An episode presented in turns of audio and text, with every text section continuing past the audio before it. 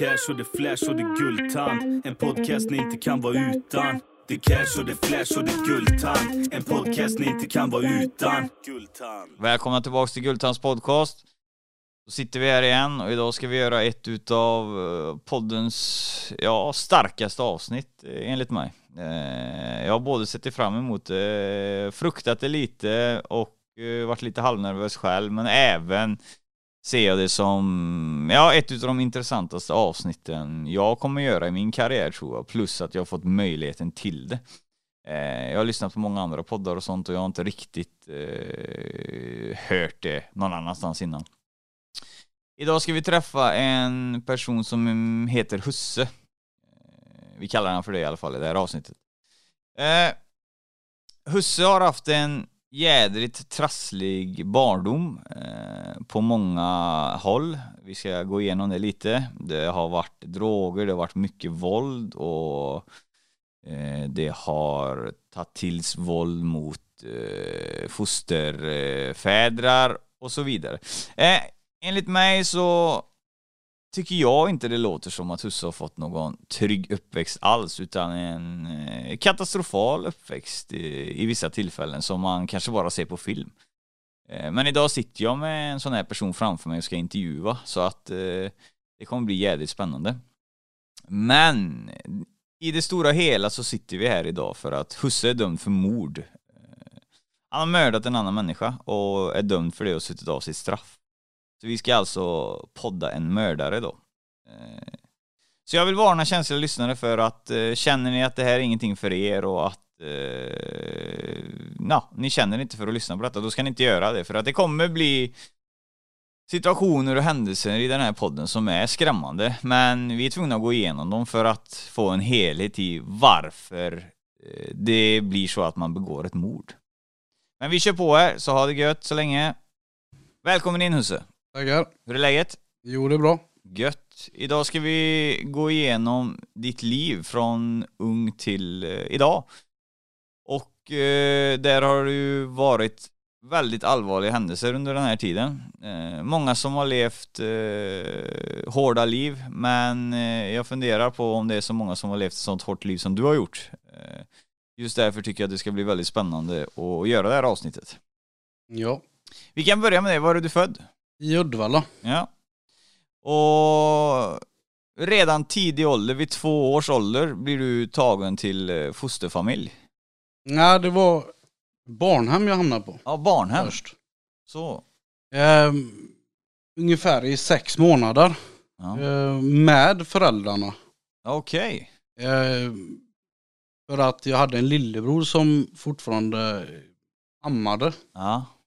Ehm, och vidare därifrån så kom jag till en fosterfamilj. ja. Men vi kan börja med det. Eh, varför från början eh, blev det så att ni hamnade på barnhem? Ehm, på grund av familjeskäl mellan min mor och far. Okej. Eh, de eh, kom hit från krig eh, i Irak Mm. i början på 80. Eh, blev aldrig riktigt miss, alltså anpassade i svenska samhället. Nej. Eh, mottagen vet jag inte hur de, det har jag svårt att veta. Men eh, stort missnöje vet jag att det var. Mm. Eh, så att det klaffar inte riktigt ihop med svensk uppfostran av barn, skolor, dagis. Så att SOS blev inblandade Ja. redan tidigt. Var det våld i hemmet eller? Ja, det var det. Mot barnen eller mot frun? Eh, mot min mamma då Ja. var det. Ehm, men det slutade med att grannar och runt om uppmärksammade detta och gjorde säkert anmälningar. Ja, ja, ja. Eh, jag vet inte hur det har gått till riktigt men det var ungefär ja. så jag fått det förklarat. Ja. Eh, sen så blev det att de två skilde sig Ja. under den här processen då när vi hamnade på barnhem. Ja. Min mamma började må sämre och sämre psykiskt, psykiskt med x antal sjukdomar, diagnoser. Ja. De blev faktiskt, eh, vad heter det, man blir omhändertagen för sitt psykiskt mående. Eh, ja, jag vet inte riktigt vad domen kallas men det Nej. finns ju det att du behöver... eh, Tvångsvård nästan. Ja, tvångsvård. Ja, ja. ja, det är väl det vi har. Ehm, och vidare därifrån så blev det att vi blev placerade i, från ett barnhem Ja, till en fosterfamilj. ja okej. Eh, jag och min syster. Och där började ju resan. Ja. Fosterfamilj säger du. Jo. Ja. Och det är ingenting som mamman valde då utan det jobbade barnhemmet med att få fram en fosterfamilj eller? Ja, det blev en LVU-paragraf på oss då. Ja. Barn.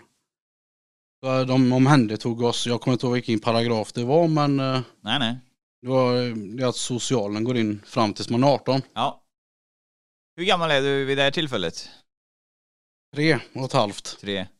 Eh, ja, det är ju svårt att komma ihåg den åldern såklart, men du, du kommer du ihåg någonting, eh, att du var ledsen eller någon sån grej, eller hängde du med bra i livet ändå tyckte du? Ha, fan, det är en dum fråga, men fattar vad jag menar. Hade du någon uppfattning om vad som hände? I bör- äh, jag, jag ska faktiskt säga, jag kommer inte riktigt ihåg hur jag mådde just då. Nej, jag kommer I fan det läget. Jag var alltså mer glad för att vi var på barnhem så pass länge så gå från barnhem och komma ut till en gård som vi var i en fosterfamilj hos Ja, var ju en frihet. ja, Eh, Det var maskiner, det var djur, det var, man kunde cykla och jag lärde Ja. mig cykla liksom direkt jag kom dit. Eh, Det var en annan frihet. Så sätt. Hade du med ditt eh, minsta syskon? Du pratade om eh, Men jag hade med min stora syster. stora syster. Ja, så hon hamnade på samma fosterfamilj? Ja. ja. Kändes det som en liten trygghet för dig? Ja, alltså jag, jag har ju fått det förklarat efteråt att vi två stod ju varandra väldigt nära. Mm. Eh, Det var därför jag och hon placeras i en fosterfamilj. Ja, Jag har ju två andra syskon som blir placerade i andra familjer ja. också. Men i och med att det är två års skillnad mellan mig och hon Mm. så var vi mest med varann. ja. Så på den vägen blev det då. Är det, vi kan ju bryta in det med en annan fråga. Har, ni, har du någon kontakt med alla syskonen idag? Ja. Vad bra. I alla fall, eh, ditt liv tar ju då en ny start i en fosterfamilj kan man säga. Ja. Hur uppfattar du eh, fosterföräldrarna? Hur är de? Till en början var det väldigt, väldigt bra har jag för mig. Ehm, Det var mycket utomhusaktiviteter där. Ja.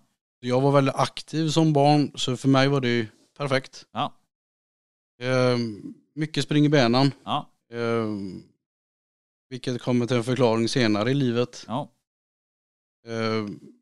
Men det var, jag gillar det livet också. ja. Eh, det är dags, eh, du växer ju på dig, du är säkert fyra och ett halvt nu ungefär. Det är dags för eh, planering inför skolan. Ja. Ehm, Jag var hemma faktiskt fram till eh, jag har varit sex Ja, i förskolan. ja, Är det då? ja, Så jag var, I och med att vi bodde så som vi bodde och de jobbade med det, de jobbade på, med djur. mm, Så fick jag ju vara hemma. ja, Jag behövde inte eh, gå på dagis till exempel. Så jag började i en förskola. ehm, ja, vid- ja, vid sexårsåldern då. ja.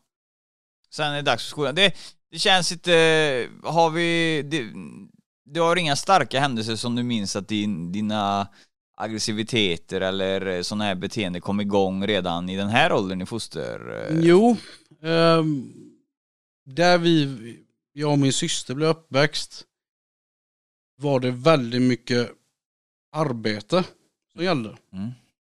Eh, Det fanns ju ingen fritid överhuvudtaget egentligen. Nej. Det var bara jobb 24-7 eller gå till skolan. Ja, Som gällde då där. Eh, därav blev det att eh, den uppfostringen av barn blev inte korrekt gentemot så som det skulle ha varit. nej okej. Det blev mer barnarbete på gården Ja, med våldinslag då. Ja, okej. Med våldinslag så menar du alltså att om du inte skötte dina arbetsuppgifter så var det lite smäll som man fick då eller? Ja. Ja. Eh, Och det kunde stängas av el inne i tv-rummet och väldigt mycket bestraffningar. ja, man inte gjorde som sades. ja okej. Det här med våldet, eh, kommer du ihåg vad det är för specifikt våld eh, som ni fick uppleva? Ja, alltså när jag var femårsåldern ehm, satt jag ju i en traktor liksom. Jag körde en 5-6 tons traktor mitt i natten på en vardag. Jag skulle till dagis eller Ja, för, ja, jajamän, förskola. dagen efter. Ehm, det är ju inte riktigt jättenormalt för en sexåring kanske. Nej, det, det är det ju inte. Absolut inte. Så det var mycket sådana grejer som gjorde att man, eller jag, tog ut grejer i skolan sen. Ja, Man fick utlopp där. ja. Ehm, Men fick du, jag tänker på det frågan som var från början där, fick du fysiskt med stryk eller vad? Ja, ja. Det, eller, ja. Och det var örfilar då eller? eh, Ja. örfilar, fick käftsmällar också. ja. Som i den åldern som 5-6 Jajamän. åring? Ja. Eh, och på den här åldern så bet du bara ihop och tog det då eller? Och, Ja, det är ju inget val. Nej. Ehm, Men någonstans här så börjar ju din, eh, din våldsamma karriär för nu, nu kommer vi komma in på det du säger och det är att du tar med dig våldet till skolan då. Det du smakar på hemma, det kommer börja Ja. dela ut sig i skolan. ja. Hur ser din skolgång ut med kompisar och grejer? I skolan där, i den lilla samhället som vi var uppväxta var jag eh, de enda, jag och min syster typ, som är utländsk påbrå. Ja, Ehm, det vart ju också väldigt lätt att skylla på oss där. ja, Jag, var, jag syntes, jag hördes, jag var mest aktiv. Jag fick skulden för väldigt, väldigt mycket mm. i skolan och det blev också en alltså en drivande grej att man höll på mer Mm. till slut. Jag fick skit för grejer som jag inte ens var på plats för. ja. Ehm, Hur reagerade din fosterfar på detta då när du kom hem och skolan berättade att du misskötte dig? Fick du mer stryk hemma då eller?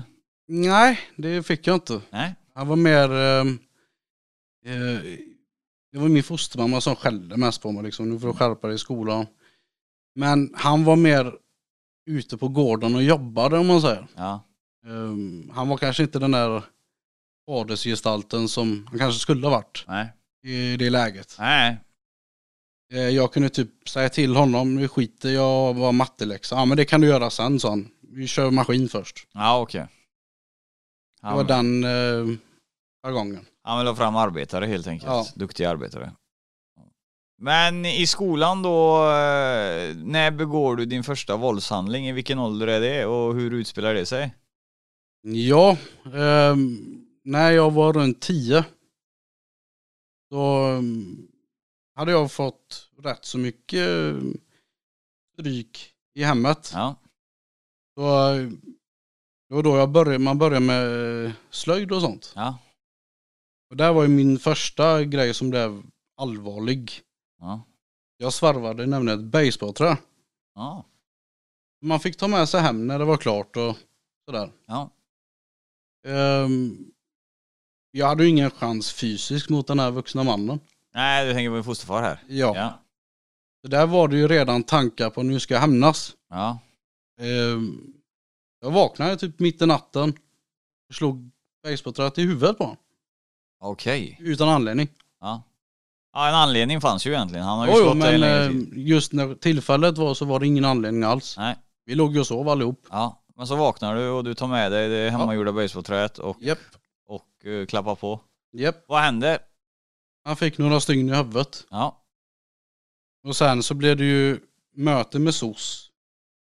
Ehm, givetvis så är ju allting bara ungens fel. ja, Det finns ingen bakgrund, utan det var bara bilder på blå från mig. ja. Eh, Nämner du, tar du upp våldet att du... nej, jag gjorde inte det Nej. heller. De frågade någon gång, finns det våld? Nej. Jag nekade. Ja, Jag ville inte därifrån för man var rädd för att hamna på ungdomshem, barnhem, de här grejerna. ja, Så då höll jag faktiskt tyst under den eh, perioden. ja. Eh, Men åren gick. Eh, Och aggressionerna inom mig blev bara större, större. Jag själv blev mycket, mycket starkare. Fysiskt. Jag var med och jobbade alltså säkert 6-7 timmar varje dag. På gården. Ja. Men om vi pausar lite där bara. Hur, efter den här händelsen nu drar basebollträet och sådana grejer och han pignar till och sossar var där på mötet grejer. Hur är er relation? Får du någon bestraffning av han efter det? Eller hur är er reaktion? Nej, faktiskt ingenting. Nej. Får han en liten väckarklocka där att... Eh, Nej, det tyckte jag inte han fick faktiskt. nej. Det, det var bara som ingenting har hänt och bara fortsätta. Ja, du fick med, du har också fått mer stryk efter den här Ja, ja, händelsen? Ja. Ja, ja. Ja, ja. Sen så blev det tumult mellan min syster och den här fosterpappan. ja. Väldigt angenämt, väldigt många gånger. Ehm, speciellt inne vid matbordet. Mm. Ehm, hon käkade inte upp någon gång sin mat. Ehm, och han gav henne en örfil för det. Mm. Rätt över bordet. Så hon ramlade ner, alltså, ner från stolen. Då gick jag och hämtade en, um, fan heter de? En sotningskvast. Okej. Man har till vedpannan. Ja. Och slog den igen i huvudet på honom. Ja. Då blev det repressaler ifrån SOS sida. När det hände. Då eh, körde de oss till BUP. Okej. Som vi fick vara i sex veckor. Ja. Eh, vilket jag inte, jag kommer ihåg det. Jag var ju runt tioårsåldern. Ja. Jag sa ju ingenting där och de sa ingenting till mig om vad som hände hemma. Man satt ju i en jävla leksakslåda liksom. Med Ja. sand. Ja. De skulle göra några gubbar och pyramider och Medan en annan som har kört grävmaskin sedan jag var sex år tyckte det var löjligt att sitta med en spade i en sandlåda. Ja. Det blir ju Så rätt. det blev ju lite förlöjlat. Men egentligen så är det ju i efterhand nu så blir det ju rätt logiskt varför man har, man har ju tappat den här barn, eh, alltså hela barnperspektiv vad man ska göra som barn. Ja. Det fanns ju inte. Nej. Det är, du har ju inte blivit upplärd med det. Nej. Eller någon som har visat dig. Eh, när du är i den åldern, vi är uppe på 10 år och det är ju fortfarande våld i hemmet har det varit och du flyttar till BUP och det är skolor och Mm. Hur, eh, hade du några kompisar under den här tiden och hur uppfattade de dig och sådana här grejer? Jag hade väldigt mycket tjejkompisar just då. Ja, På den tiden. För jag,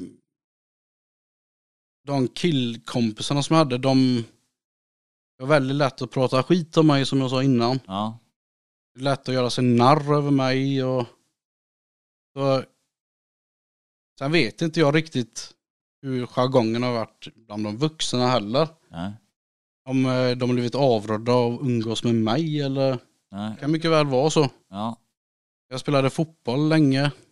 Eh, Sen började med boxning. Men sen, jag hade mest tjejkompisar som sagt. ja.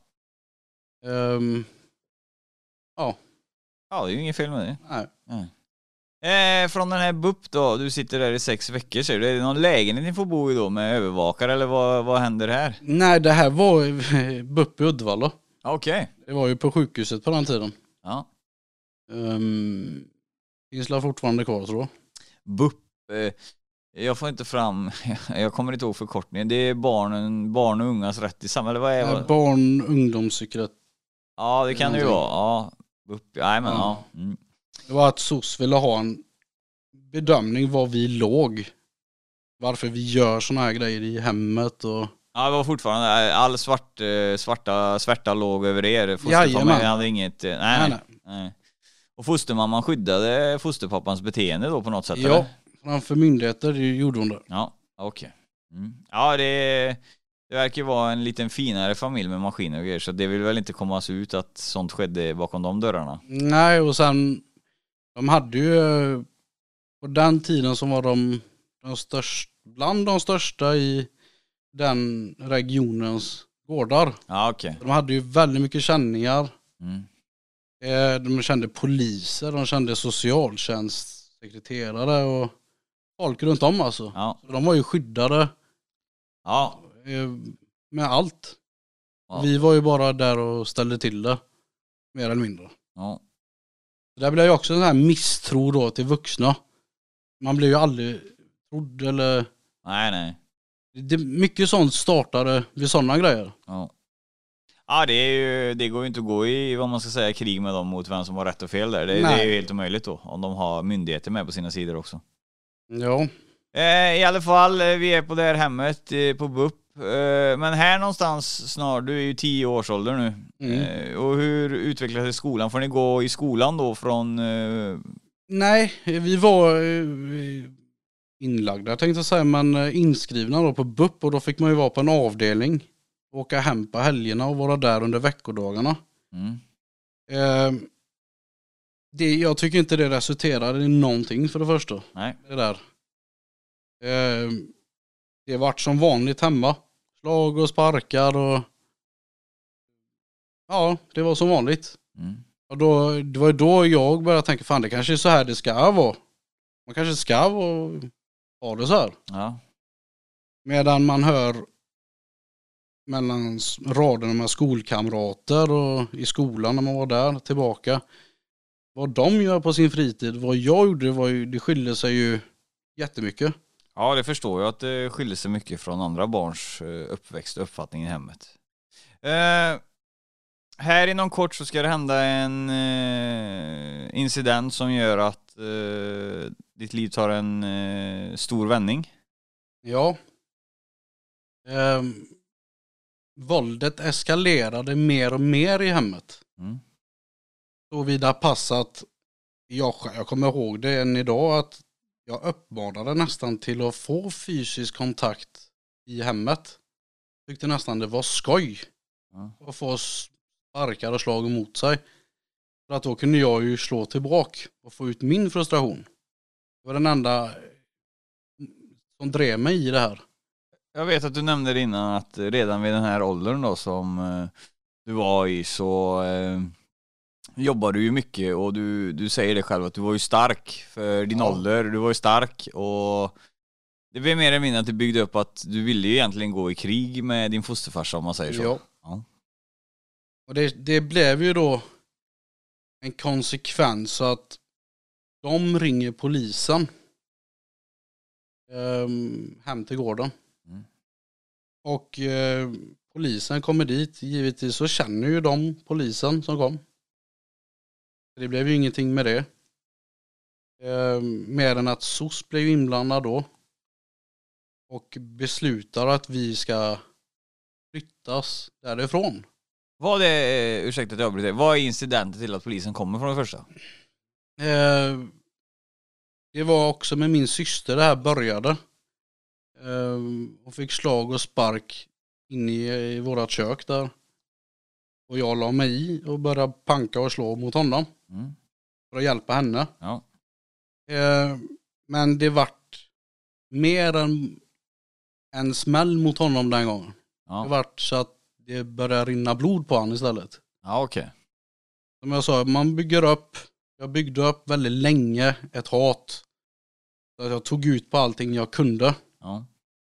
Eh, och då blev det att de kände att det här klarar inte de av längre. Ingen av de två. Nej. Det var ju aldrig något slag, ska poängtera, aldrig någonting mellan mig och min fostermamma där. Nej. Aldrig någonsin, för hon gick alltid i försvar när det gäller sånt. Ja. Vi åkte på väldigt mycket stryk själv av honom. ja, hon gick i försvar för eran del menar Ja. ja. Men eh, i och med att det var så stor verksamhet som de hade, då var det nog svårt för henne att bryta med honom. Mm. De hade så mycket ihop, om man säger. Eh, sen var det ju en liten by, där håller de ihop. Vi var utbörlingar. Det är vi som är problemet. Ja. Det är så historien låter än idag faktiskt, där uppe. Tror du att, eh, tror du att eh, när de tog det här steget i sina liv, att de säger att de inte klarar av det längre, tror du att det var lite rädsla för dig eller att du började Ja. bli, eh, ja, Det var rätt. Rena, det har hon sagt. Nu lever inte hon idag. nej, Hon sa, du, eh, alltså man såg på dig hur du var då. Mm. Hade det fortsatt så hade du slått ihjäl honom. Ja. Ehm, som tur var så kanske inte han var som någon riktig slagskämpe heller. Men mot ett litet barn så räcker det att man viftar till med näven så flyger ungen in i en vägg också liksom. Ville du döda han? Då vill jag det. Ja. Faktiskt. Ja, det är förståeligt faktiskt. I alla fall, här, den här händelsen tar ju sig att SOS sätter ju dig på ett sånt, vad heter det nu, SIS-hem va? Japp. Ja. Paragraf 12 hem var det. Ja. Och vad är, det var ju lite intressant uttryck, vad är paragraf 12-hem? Eh, Sluten ungdomsvård. Ja okej. Ehm, därav tar de emot folk som är dömda för brott när de är vid 15. Mm. Eh, Då får de LSU, Mm. kallas det. Och det fanns folk som blev dömda som fick LVU. Ja okej. Men i och med att vi hade LVU så fick jag en placering där. Ja okej. Och det var ju inte på grund av att jag hade gjort något brott i samhället. Nej. Det var mer i hemmet. Ja. Ehm, därav blev det att man, jag träffade på väldigt många som var kriminella ungdomar. Hur gammal var du när du hamnade här? Precis fyllda 13. Ja okej. Ehm, Vad är första upplevelsen att hamna på det här hemmet då? Hur känner du att hamna där? Alltså känner du någonstans vid 12, nu, har du, nu är du medveten ja, ja. och du kommer ihåg grejer än idag om detta.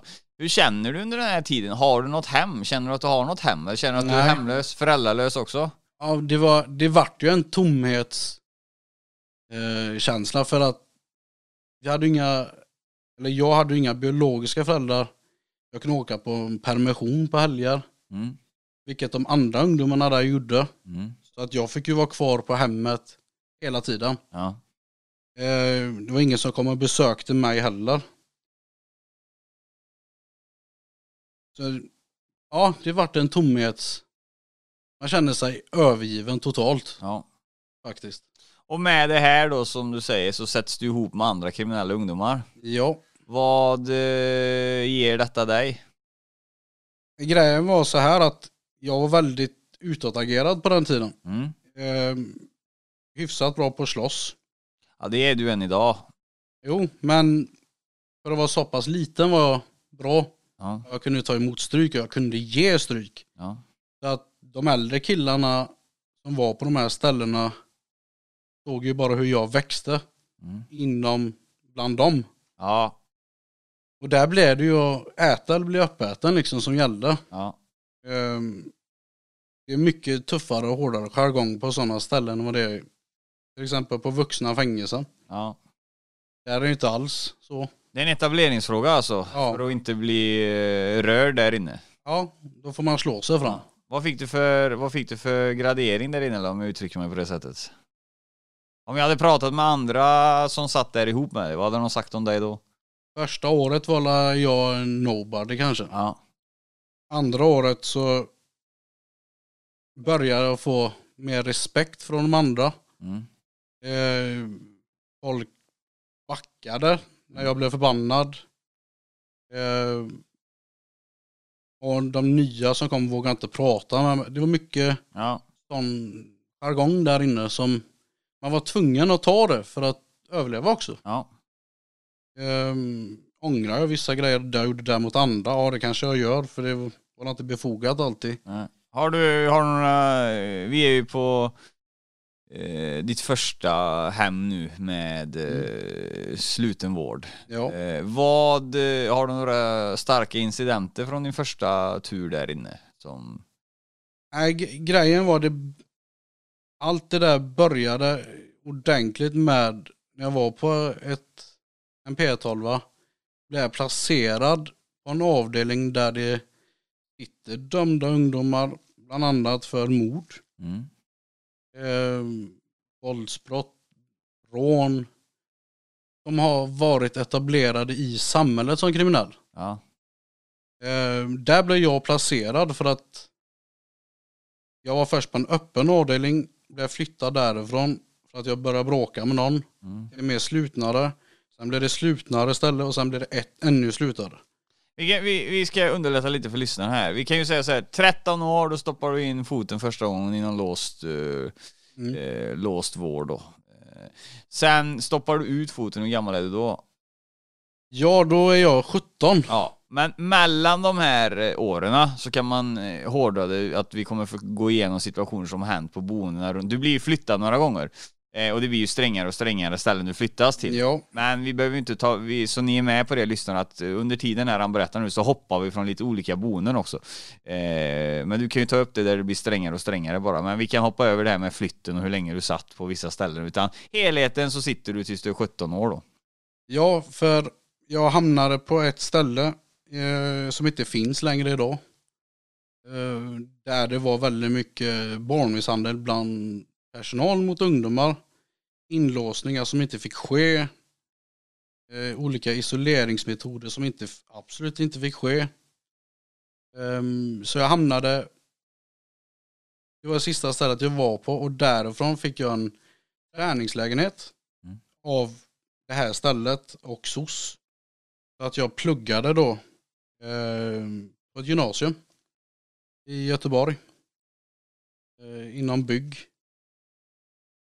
Och jag var i den lägenheten i ett år. Um, sen fick jag en, ytterligare en lägenhet av dem.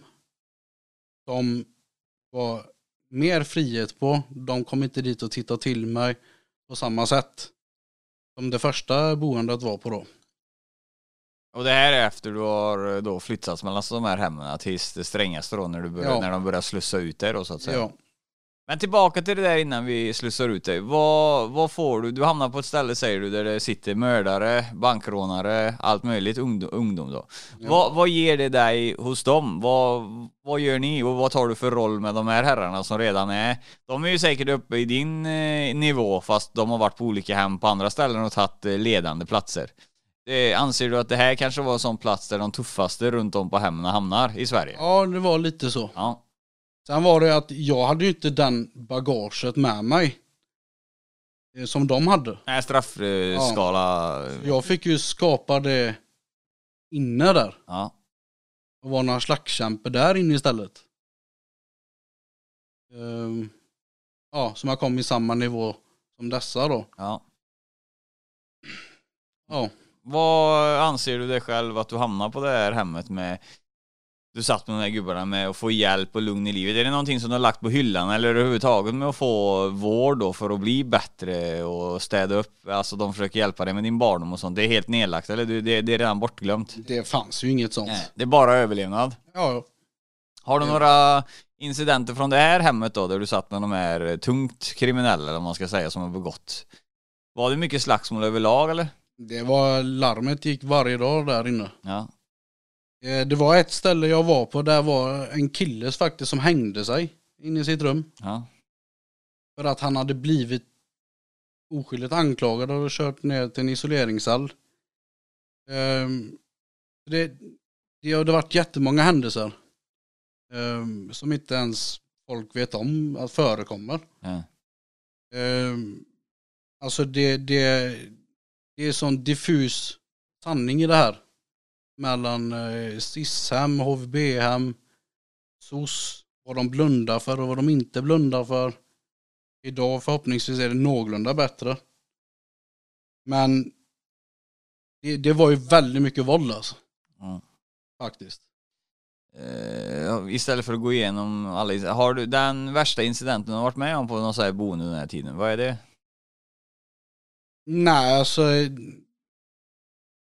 Som jag själv har åverkat eller. Ja, det kan vi ta. Det är ju dig det handlar om. Jag bröt armen på en kille en gång där.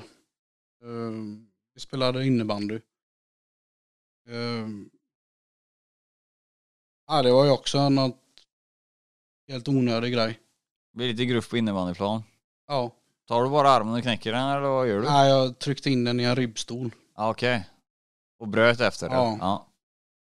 Vad fick du för eh, straff för det? Då fick jag faktiskt eh, en dom på misshandel Ja.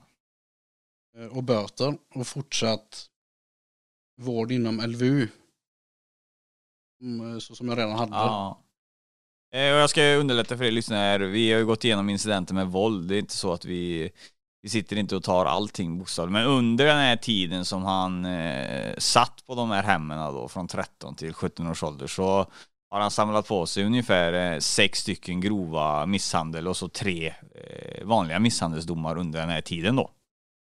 Eh, ja, eh, tillbaka så kör vi. Vi, eh, vi har, du har ju berättat om det här med hemmen och nu är det dags för eh, en liten form av utslussning.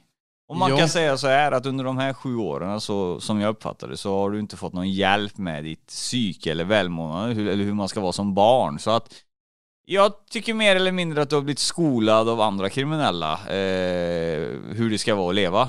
Ja, Och det är dit vi kommer nu, för nu går du ut till utsidan med mindre bevakad lägenhet. Och du går ut med en hjärna som är laddad med kriminella händelser. Så hur Ja. tar detta fart när du kommer ut i samhället? ja jag, första året på gymnasiet så hade jag eh, utslussnings från behandlingshemmet jag var på. Mm. Andra året hade jag lägenhet. Det var där det började faktiskt gå ner för. Mm. Eh, helt plötsligt var jag själv i en lägenhet. Jag kunde styra vad, vilka tider jag kom hem på. Eh, jag sökte mig givetvis till likasinniga personer. Ja. Och det var grupperingar som ville ha in mig i olika eh, ja, grupper och Ja. gäng eller på grund av att jag var väldigt hetlevrad. Jag slogs, jag hade det, jag hade viss res- sorts respekt med mig. Jag kunde ta för mig, jag tog aldrig ett nej eller um, ja, Nej, och det sätter väl fart också i Sverige med tanke på att du satt med andra kriminella som också släpps ut under tiden. Så har det väl ryktet gått att vi vill ha tag på husse. Eh, så. så att eh, skola, det går inget bra alls med utbildningen då eller? jo, det var det enda jag skötte i livet Ja. faktiskt. Droger, har det, när kommer det? Ja, det var där andra året. Ja. Jag började nästan, det blev som bedövning. ja. Lite mer så. Vad väljer du för drog det första du är? För du är ju sen på med drogerna. Det kommer ju nu drogerna, andra året i din, ditt Ja. prov i frihet. Eh, det har varit kokain till hasch. Ja. Inte något syntetiskt sådär. Nej. Men eh, mycket sånt.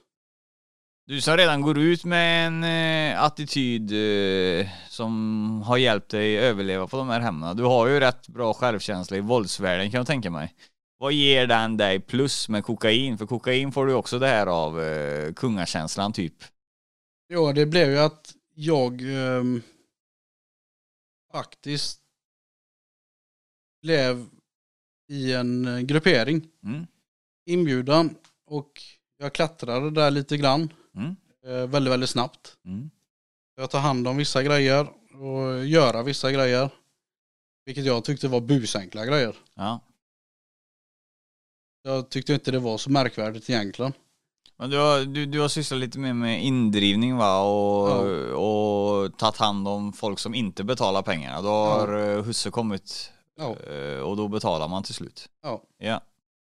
Eh, vi kan hålla oss till det, vi behöver inte fördjupa oss i det mer. Utan vi förstår att eh, det blir en indrivningsform med tanke på ditt våldskapital som du har. Eh, och då känd som farlig. Så är det den bästa, ja det är din bästa syssla du kan ha. Jag kan tänka mig att det inte är så eh, känsligt för dig då som är så våld eh, kär eller vad man ska säga utan eh, Jag, jag uppfattar ju aldrig det jag gjorde som eh, fyra käftsmällar till exempel. Mm. Att det skulle vara som skada. Det har man ju själv varit med om. ja. Så då tänkte jag, äh, det är ju ingenting. Men du slog de- hårt eller? Ja, Hur eh, kan vi ta, det är en intressant fråga när vi ändå så här på våld.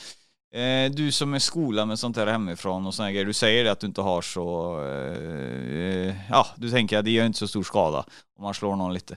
Hur, hur känner du när du ser någon människa gråta framför dig och att det är typ, eh, för jag kan tänka mig att det är många som har gått ner på knä och liksom eh, eh, bett då att sluta då till exempel. Har du någon spärr, eh, anser du att du har en spärr på känslor?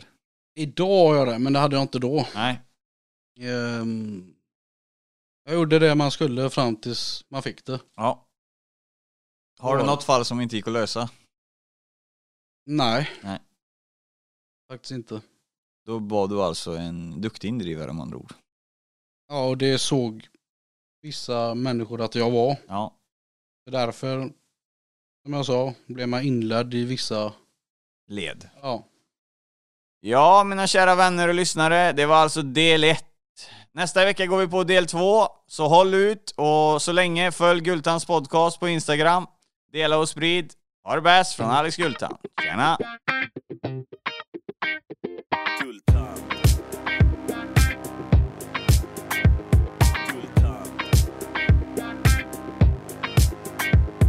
Det cash och det flash och det guldtand. En podcast ni inte kan vara utan. Det cash och det flash och det guldtand. En podcast ni inte kan vara utan. Guldtand.